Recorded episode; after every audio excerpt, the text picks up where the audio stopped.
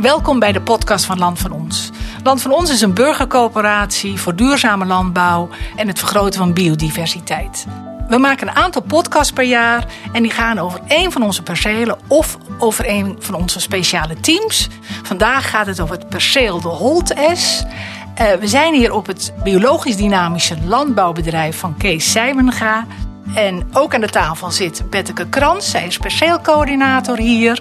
En we gaan het hebben over de Holte-S.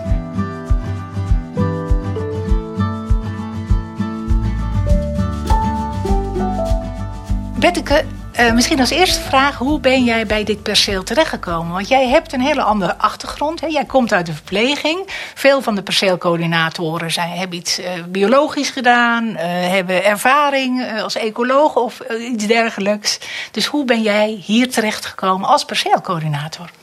Ja, dat, uh, dat klinkt gek, hè? De verbinding landbouw en, en verpleging. Toch is het niet zo heel erg gek. Want um, als kind uh, was ik al een buitenkind. Um, ik speelde 24 uur per dag, zover dat kon, zover ik niet in bed moest liggen, buiten. En uiteindelijk ben ik in de verpleging terechtgekomen. En dat is natuurlijk eigenlijk ook liefde en respect voor natuur en mensen. Dus het, is, het verband is niet zo heel raar.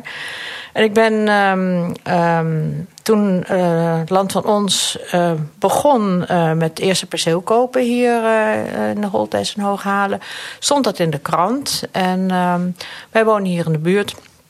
En toen dachten we, ja, dit vinden wij zo'n leuk initiatief, daar gaan we aan meedoen. En dan krijg je natuurlijk op een goed moment een nieuwsbrief van het land van ons. En je volgt het op de voet. Je gaat kijken naar je perceel. En op een goed moment werd er een correspondent gevraagd. En ik was net klaar met uh, ander vrijwilligerswerk. Ik denk, ja, ga ik me daar nou weer instorten? Want ik weet hoeveel werk dat is allemaal. En na lang beraad ben ik correspondent geworden. En uh, binnen drie maanden heb ik de overstap gemaakt naar perceelcoördinator. En uh, nou, zo, zo is het gekomen. Zo, zo is het gekomen, ja. En uh, kun je iets vertellen over het perceel? Wat, wat is er bijzonder aan dit perceel? Uh, de Holt S is een, uh, een oude S. Het ligt ten zuiden van, uh, van Hooghalen. En er is al heel vroeg um, sporen van bewoning is er, gevonden. Wat is een S, Betteke? Ja, een S is een, uh, dat zijn eigenlijk landbouwgronden, uh, landbouw- en veeteeltgronden van de, van de vroegere bewoners. Uh, die hebben door middel van potstalmechanismen kleine hutjes hadden of, of kleine woningjes waar de, het vee was. En middags, winters werd daar mest gemaakt in de stal en dat werd zomers op het land gebracht. Ik, ik kan, kan wel even toevoegen bij ja, van, uh, van, van, van, van schapen. Hè? De, de schaapherder zat daar in de buurt. En die, uh, dan, uh, s'nachts gingen de schapen naar binnen toe met heden plassel in de stal. En dat brachten ze later weer naar buiten toe over, de, over het veld heen, de akkers. En dan kreeg je een goede bouw voor en een mooie grond. En wat en is een potstal, Kees? Een potstal is een, um, dus een, een stal waar dan de schapen binnen zijn. En uh, daar kreeg je vaste mest uit. Dus de mest die stapelde zich op. En uh, dus mijn hele plassel was het strooisel. Ja, ja. Ja, duidelijk. Ja.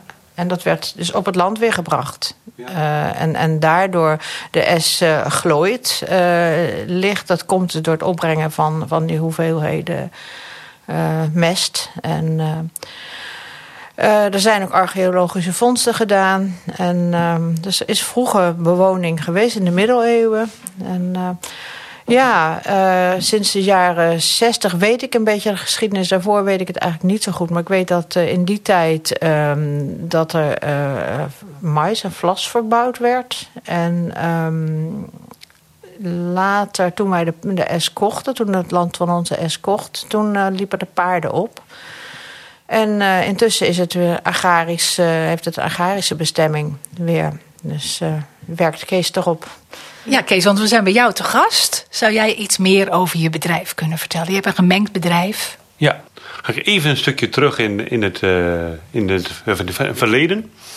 En ik kom dus uit de gangbare landbouw. En dat wil zeggen dat we een gemengd bedrijf hadden met melkkoeien en akkerbouw. Later is dat doorgeschakeld of, of meer wat je heel veel zag in de landbouw, dat men keuze ging maken. Dan ging je over naar de akkerbouw, waar niet heel veel koeien. En er werd keuze gemaakt. De koeien gingen weg, alleen akkerbouw verder. En uh, wij hebben voor twintig jaar terug de keuze gemaakt dat wij uh, kippen willen gaan houden. En dat is een biologische vorm geworden. was toen nog in de kinderschoenen. En ben toch blij dat we het doorgezet hebben. Oh ja. Dus het was de eerste stap dat we richting bio gingen. En we hebben ongeveer een 25, 30 hectare akkerbouwgrond. En dat hebben we sinds uh, vier jaar terug omgeschakeld naar bio. Bij de bio dus? Ja, dat was het hele bedrijf bio. En sinds twee jaar zijn we biologisch dynamisch. Terwijl BD, de meter. En wat is het verschil? Verschil is wel dat je nog meer de, de kringloop hebt. Kringlooplandbouw is wel een, een, een, punt waar we heel veel over hoort. Maar bio is veel meer kringloop als wat gangbaar kringloop noemt. En BD gaat nog weer een stapje verder. Wij moeten voor onze kippen uh, minimaal 50% eigen voer verbouwen op eigen grond. Voor dat biologisch dynamisch? Ja. ja. ja. En wij zitten ongeveer op 70%. En dat is voor een kippenbedrijf heel veel. Hoeveel kippen heb je? We hebben 3000. Is dat, is, dat, is dat, dat een klein kippenbedrijf of is dat midden? Wat, nee? Nou, ik, ik kan zeggen, wij zijn een van de kleinste pluimveehouders van Nederland. Maar dat uh, ook zo mooi is voor het uh, eh, BD zijn, er zit ook hanen bij. En er is eigenlijk geen één sector van kippen, van pluimvee, die dat ook doet. En BD zegt van, moet natuurlijke afspiegeling zijn. Dus er horen ook hanen bij. Dus wij hebben 2940 hennen en 60 hanen in de stal. En gaat dat goed? Want bij koeien heb je altijd één stier, maar jij hebt 60 hanen rondlopen. Dat gaat goed met al die kippen? Ja, ze stoeien af en toe wel eens een keer een beetje. maar doen wij mensen ook wel eens een keer. Nee, dat gaat best wel goed. Ja. Ja, waarvoor heb je die kippen? We hebben ze voor de eieren. Voor de eieren? Ja, ja dat is heel anders dan voor vlees, maar bij ons zijn het de eieren waar het om draait. En hoe lang heb je dan die kippen? Hoe lang blijven ze bij jou? Nou, ze blijven, een kippen gaat eh, in weken, tellen we die altijd. Rond de 80 weken oud worden ze ongeveer hier. En dan ga je met nieuwe kippen aan de gang? Ja, ja. ja dan wordt de leg toch zoveel minder dat je een keer afscheid moet nemen. Ja, dat is niet economisch haalbaar meer. Ja, dat is een bedrijfsmodel. Ja. ja.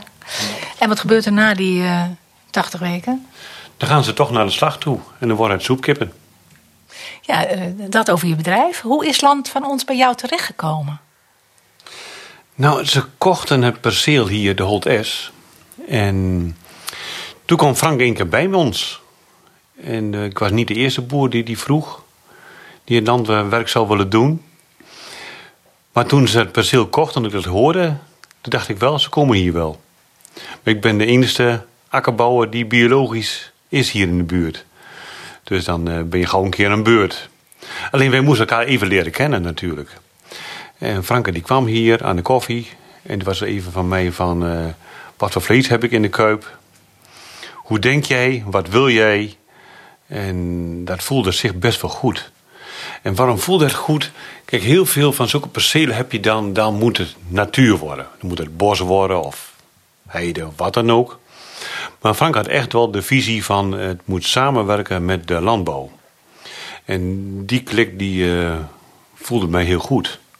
Zo gaat mezelf ook zo. Wij willen allemaal eten. Er zijn producten nodig, gewassen dus ook, die wij moeten telen. En dat, dat moet ook in harmonie gaan met, uh, met uh, de omgeving. Dus en dat uh, was het doel van Land van ons ook.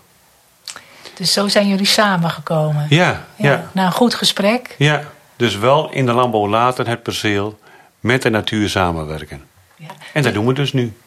Ja, echt vanuit de visie van Land van Ons, hè, die zich toch echt richt op die duurzame landbouw. Ja. ja. ja.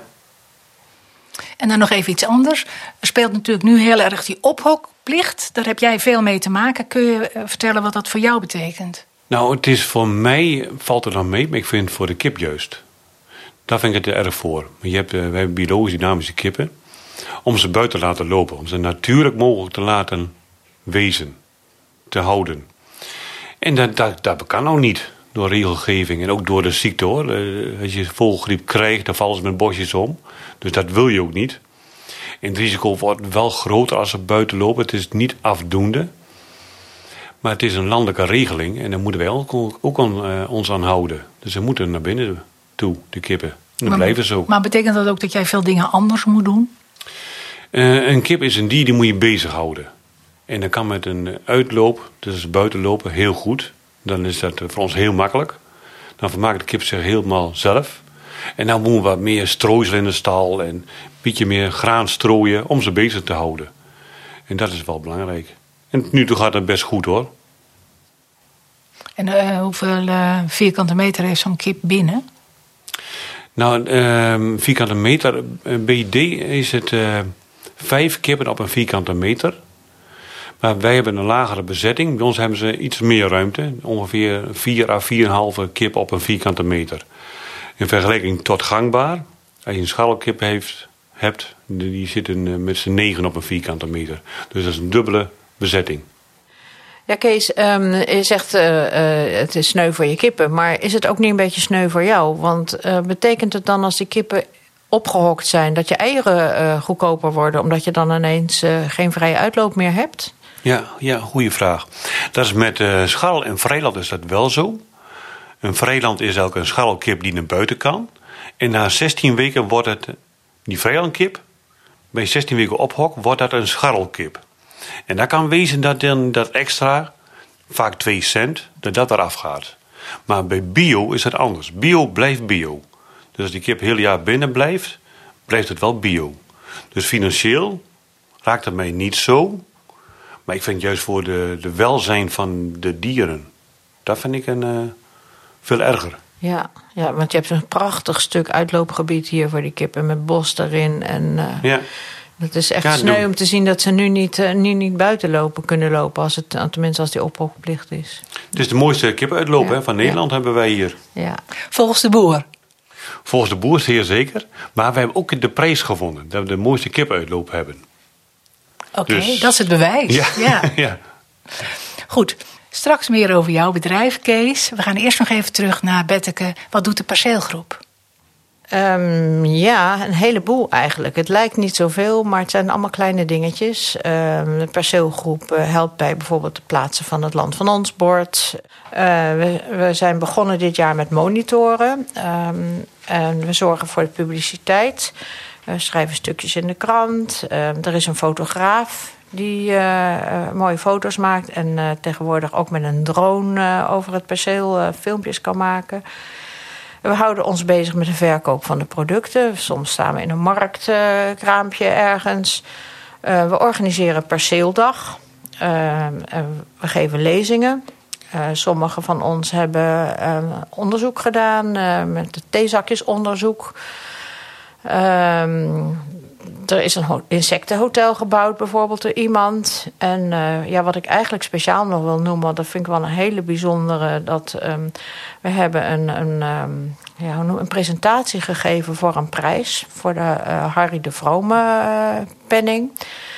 En uh, daar deden, ik geloof, er waren tien projecten die daar aan meededen. En uh, wij hebben daar um, de penning als. Uh, ze hebben een extra penning uitgegeven dit jaar voor ons, omdat ze zo'n mooi, mooi initiatief vonden. Dus dat vind ik wel leuk om dat te noemen. En wie was Harry de Vrone? Was dat iemand die specifiek met biologie of, of de biodiversiteit? Vrome, uh, hield zich bezig uh, van begin 1900 tot, even kijken, ik geloof dat hij in 2001 overleden is. iemand die zich heel erg hard gemaakt heeft voor het landschapsherstel. En ook ehm, dingen, gebouwen of zo die erin stonden, dat dat moest passen allemaal. En, ehm, dus hij is sinds hij overleden is, ehm, ik geloof dat het Drents Landschap is die de, die, die prijs uitreiken. Uh, twee keer per jaar, of twee, één keer in de twee jaar wordt die prijs uitgereikt. Dus, uh, Hele eer. Heeft Frank er volgens mij in ontvangst genomen? Die heeft Frank in ontvangst ja. genomen, ja. ja. Zeg, jij zegt ook iets over die monitoring. Hè? Dat is natuurlijk heel belangrijk uh, binnen land van ons. Om, om toch te, die vergroting van biodiversiteit ook te monitoren, inderdaad. Kun je aangeven hoe jullie dat doen? Um, ja, dat staat toch verschrikkelijk in de kinderschoenen. Want uh, we hebben gebrek aan, aan kennis daarin. En um, we zijn dit jaar begonnen. Het land van ons heeft ons dit jaar richtlijnen gegeven vanuit het bestuur van, van wat we moeten monitoren en, en hoe we moeten monitoren. En um, nou zoek ik eventjes. We, monitor, we tellen bijvoorbeeld wormen. En uh, nou, dat, is, dat is als leek goed te doen. We hoeven alleen maar onderscheid te maken tussen rode en, uh, en grijze. En um, dan uh, worden er hommels geteld en dagvlinders en vogels. En wat mis ik nog meer? Planten, de planten. Vleermuizen. De vleermuizen zijn geteld, ja. Dat is leuk natuurlijk, die vleermuizen. Ja. Maar eerst, uh, is dit nu de, dan de nulmeting die jullie gedaan hebben? er is een nulmeting van planten. En die is destijds al door, door Han Duiverman gedaan. En, ja, voorganger. Ja, en um, maar verder, ja, de, de, wormen en zo, dat is wel, uh, ja, kan je zien als nulmeting. Ja, ja. Wat, wat, dat zeg je net ook al in je verhaal. Er is, het is eigenlijk, het staat in de kinderschoenen, er is een methodiek ontwikkeld hè, door Land van Ons. Die zeggen dat een aantal dingen gemeten worden. En uh, hoe vaak uh, is de bedoeling dat jullie dat gaan doen? Um, ja, de, de uh, vogels uh, doen we een keer of drie per jaar uh, tellen. En de bestuivers, ik geloof iets van vier of vijf keer per jaar. En um, dus, dus er is een heel schema voor um, ja, hoe, hoe, vaak dat en wanneer het gedaan moet worden. We hebben daar uh, een, een, mooi schema voor. Heel goed. Zeg, doen jullie dat zelf of werken jullie samen met verenigingen die zich specifiek met vogels of, of reptielen of uh, planten bezighouden? Of ligt dat echt bij de perceelgroep hier? Daar hebben een aantal van onze teamleden hebben dus de, de bestuivers geteld en de wormen geteld. Um, voor planten heb ik nog niemand. En um, vogels heb ik kun, iemand voor kunnen vinden. Die uh, al, al, tien jaar vogels telt. En die echt prachtig op het geluid. Oh, daar zit een merel. Oh, ik hoor een koolmees. Oh, daar. En um, dus dat is fijn. Voor, voor de vogels heb ik dus echt iemand die, uh, die deskundig is. Um, ik heb van de week uh, bij de vlinderwerkgroep hebben een lezing gegeven. En uh, daar heb ik uh, iemand aangesproken. We hebben heel duidelijk daar ook gevraagd om kennis van... uh, willen jullie meehelpen? En uh, daar is iemand uit naar voren gekomen die gaat helpen met, uh, met de bestuivers. Dus dat is, dat ja. is leuk, want je kunt, ja, je kunt alleen maar tellen... maar je kunt natuurlijk ook ook nog soorten gaan onderscheiden. Hè? Van uh, welke vlinder is het en hoeveel. Maar voorlopig is het alleen tellen ja. nog. En dan dat vleermuizenonderzoek. Want dat is natuurlijk ook interessant. Ja, dat is heel interessant. Maar dat heeft iemand anders gedaan. Niet van, uh, dat is iemand van buiten het team. Uh, en die heeft geteld vorig jaar, dit jaar niet. Want... Um, en dus toen zijn er, um, heeft, hij heeft uh, zes tot acht dwergvleermuizen aangetroffen. En ik weet niet of dat veel is of weinig, geen idee. Maar in ieder geval zegt het aantal vleermuizen natuurlijk iets over het aantal insecten wat er, wat er uh, te vangen is. En waar zitten die vleermuizen dan in? Die vliegen in de lucht. Zo worden ze geteld. S'avonds. Ja, s'avonds vliegen ze. Overdag dan kruipen ze weg. Ze hangen ergens in een, in een, in een schuur overdag, denk ja. ik. Of in een boom. Ja, een holle boom, geen... denk ja. ik wel. Dat ja. daar wel uh, ja. ja. Jullie doen ook iets met compostonderzoek, ja. weet ik. Kun je daar iets over vertellen? Ja, ja, ja dat is een, een heel leuk onderzoek, vind ik zelf. We wachten nog wel eventjes op de uitslagen ervan. Maar aan het begin van het jaar zijn er twaalf condities, uh, stroken getest. Ja, twaalf keer drie stroken getest met onder verschillende condities. Er zijn um, twee methodes. Je hebt de methode van Elaine Ingham. Uh, zij uh, verbetert de microbiologie van de grond uh, door middel van compostthee. En dan heb je John Kempf. Um, hij is een Amerikaan die bezig is met kijken hoe je gewassen goed kunt laten groeien. En dat doet hij door middel van zaadcoating en bladbemesting. En zaadcoating? Dat is uh, dat de za zaden voordat ze de grond ingaan een uh, beschermend laagje krijgen met de eerste voedingsstoffen die zaad nodig heeft om te ontkiemen. Ik kan even toevoegen dat ook uh, de schimmelsporen komen erop. Dus dan is het van compost maak je een, een extract en dan voeg je toe aan de zaden. Dus dan is de, de samenwerking van de schimmels in de bodem. Uh, om dat te kunnen.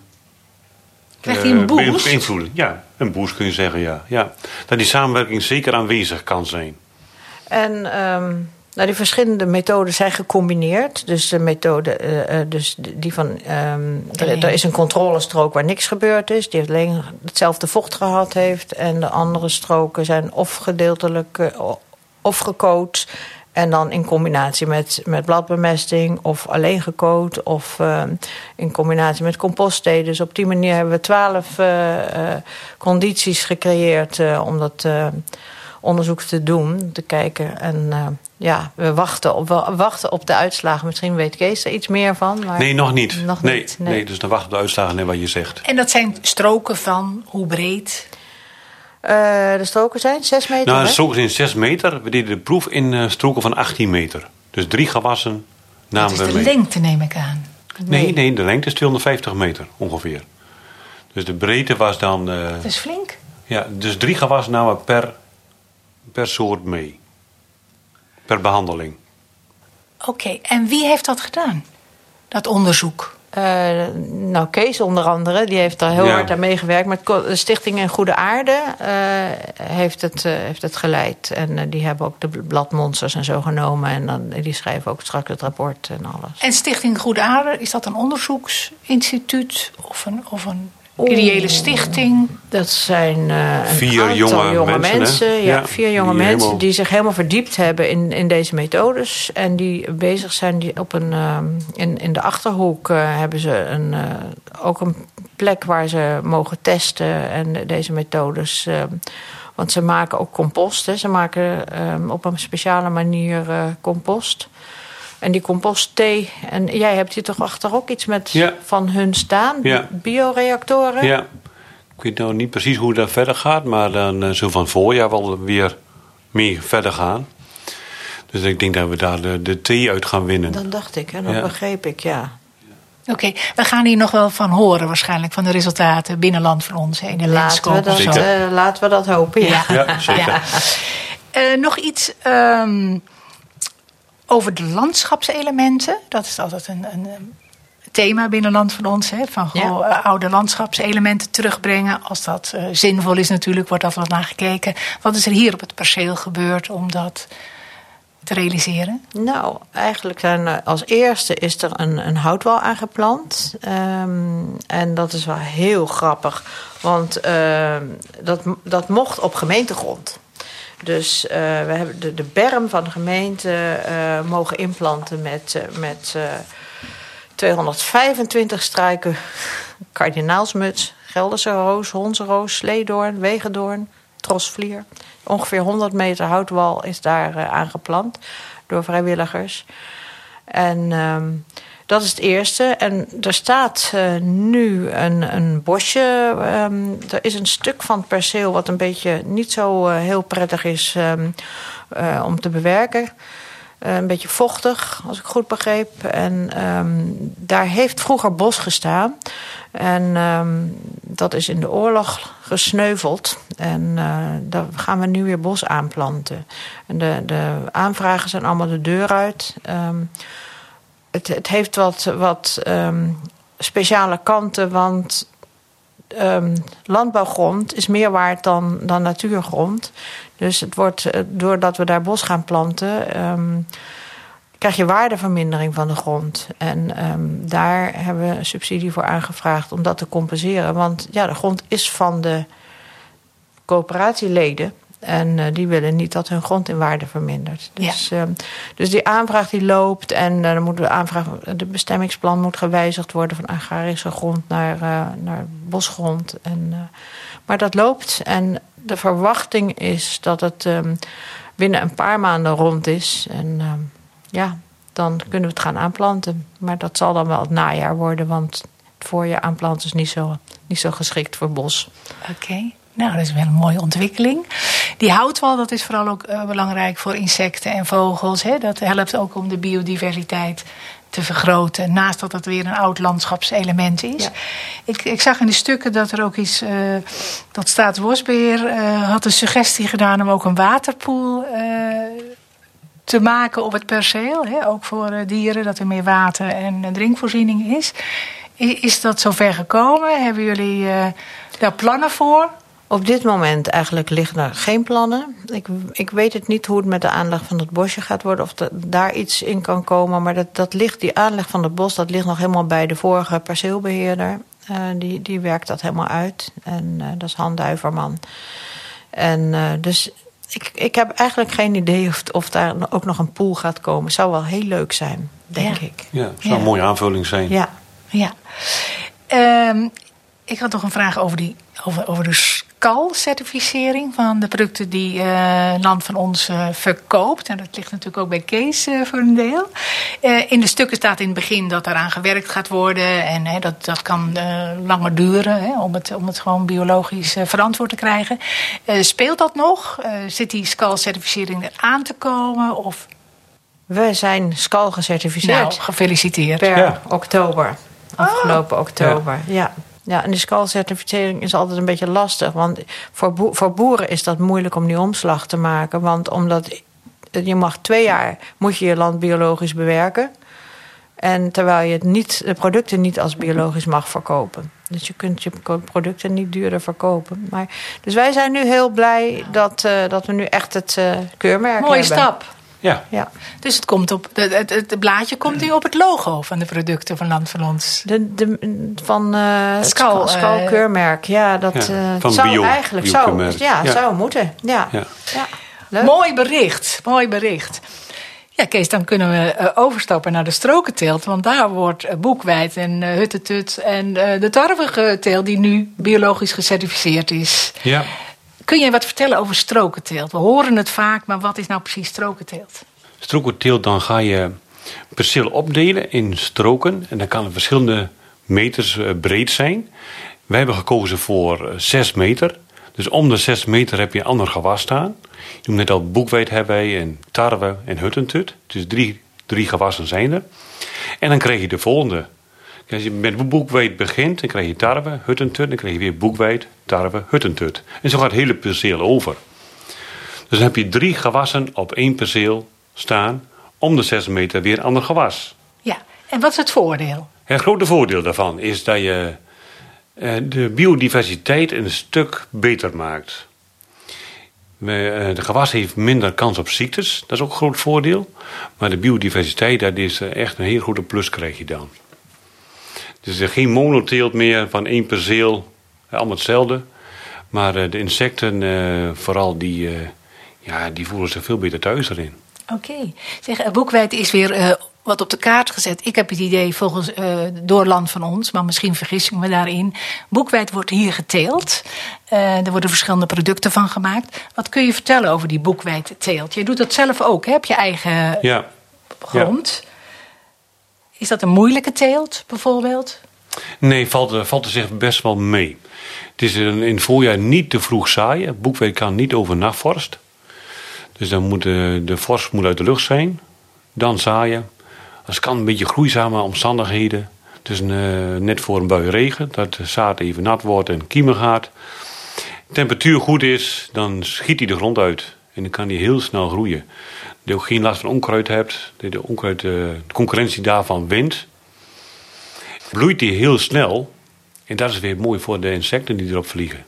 Ja. En dat willen we graag. Ja. Uh, vroeger werd dat uh, tot voor een paar jaar, geloof ik, uh, vooral ge, gemalen in het Oostblok, begreep ik. En tegenwoordig ook in Nederland. Gebeurt dat dan hier in de buurt? Nou, het is afgelopen jaren in Middenmeer nog.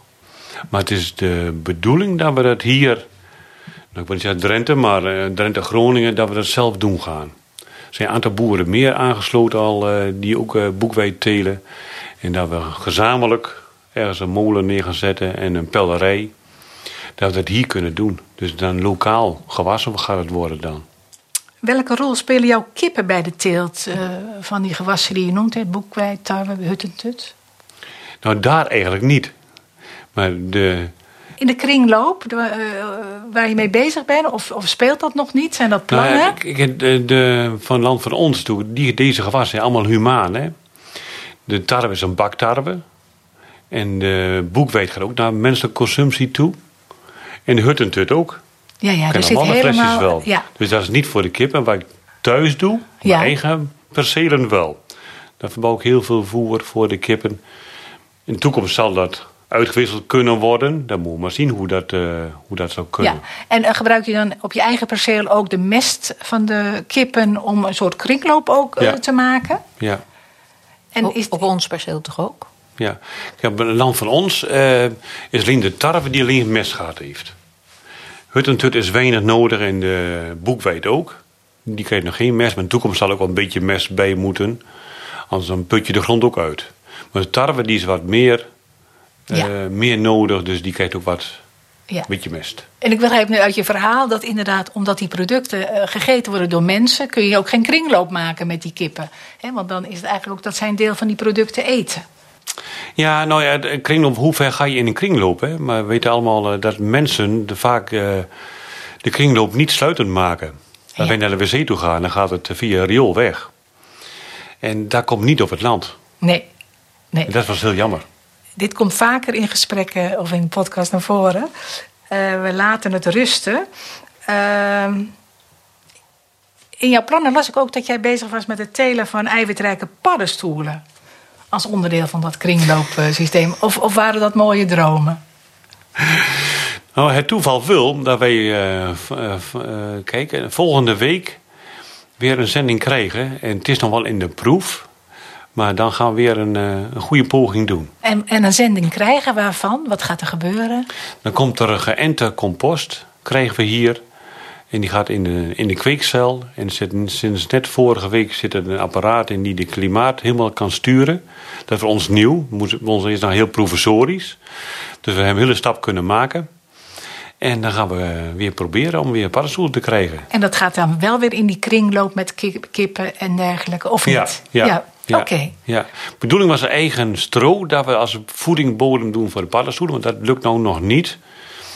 En uh, het is wel zo, als de paddenstoelen eraf zijn, dat het restproduct weer naar de kippen gaat. Dus dat is helemaal voor de kringloop. Ja, en dan gaat het weer naar het land toe. Ja, en de, en de paddenstoelen gaan naar, is voor menselijke consumptie. Ja, dat is ook weer humaan. Ja. Oké, uh, nog even over de keverbanken. Die, die, die, als ik het goed begrepen heb, staan die op het perceel van Land van Ons. Misschien ook op je eigen perceel. Uh, kun je wat vertellen over die keverbanken? Ja, ik heb er zelf niet één. In Land van Ons had, uh, zit één keverbank. Die heb ik zelf daar, daar, kunnen mogen maken. En dat is een verhoging in het, in het land. En ehm, voor ons loopt die van, van oost naar west toe. En als je verhoging krijgt, dan kun je nagaan dat de zon licht erop komt en verschillende soorten klimaat kun je daardoor creëren. Dat is niet heel, heel wisselend, maar toch één uh, voelt zich wat meer bij de zonkant en ander meer in de schaduwkant van insecten of wat dan ook. Daar is ingezaaid met uh, verschillende mengsel, allerlei heel veel blijvende bloemen en planten. Dus uh, ja, het heeft nou echt wel, wel vorm als een keverbank.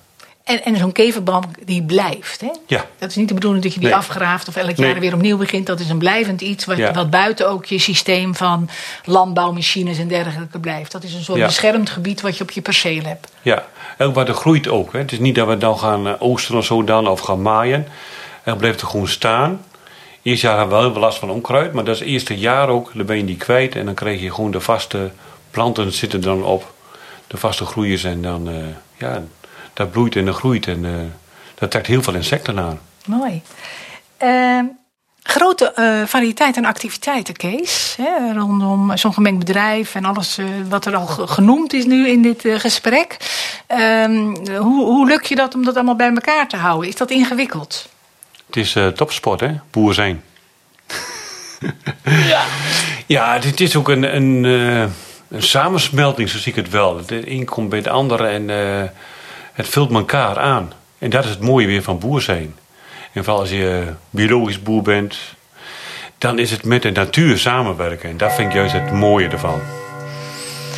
Heel mooi gezegd. En wat vind jij belangrijk voor de toekomst van de duurzame landbouw? We hebben één aarde en daar moeten we heel zuinig op zijn. En ook heel belangrijk hoe we die landbouw gaan invullen. En zoals we nou bezig zijn met gangbaar landbouw. Ik denk niet dat we dat klaar kunnen houden. Dus ik ben echt een voorstander van biologisch of biologisch dynamisch. Of de mensen goed bezig zijn met de natuur samenwerken. Dat we dat doen gaan.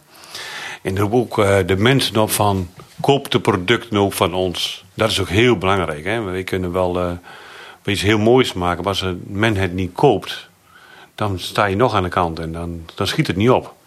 En dan zie je ook een beetje, alles wordt duurder en dat men toch wel meer de gangbare producten gaat kopen. En dat was heel lastig.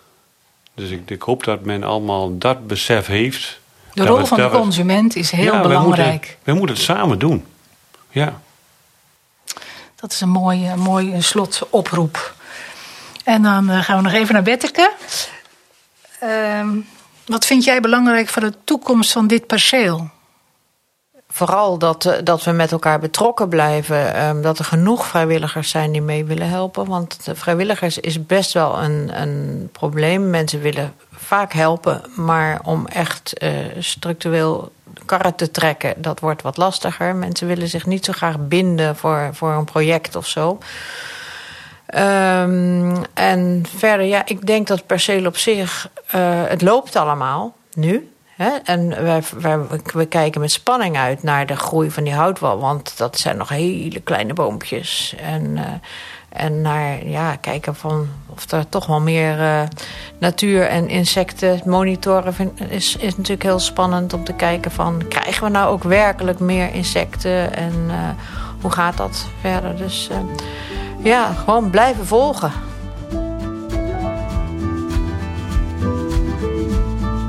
Kees en Betteke, heel erg bedankt voor deze mooie podcast en de ontvangst hier, Kees. Jullie luisteraars ook heel erg bedankt voor het luisteren naar deze podcast. Wil je meer weten over het perceel, bijvoorbeeld dat hij 8,3 hectare groot is? Kijk dan op de website van Land van Ons bij het perceel de Holtes. Wil je hem nog een keer luisteren of aan iemand anders doorsturen?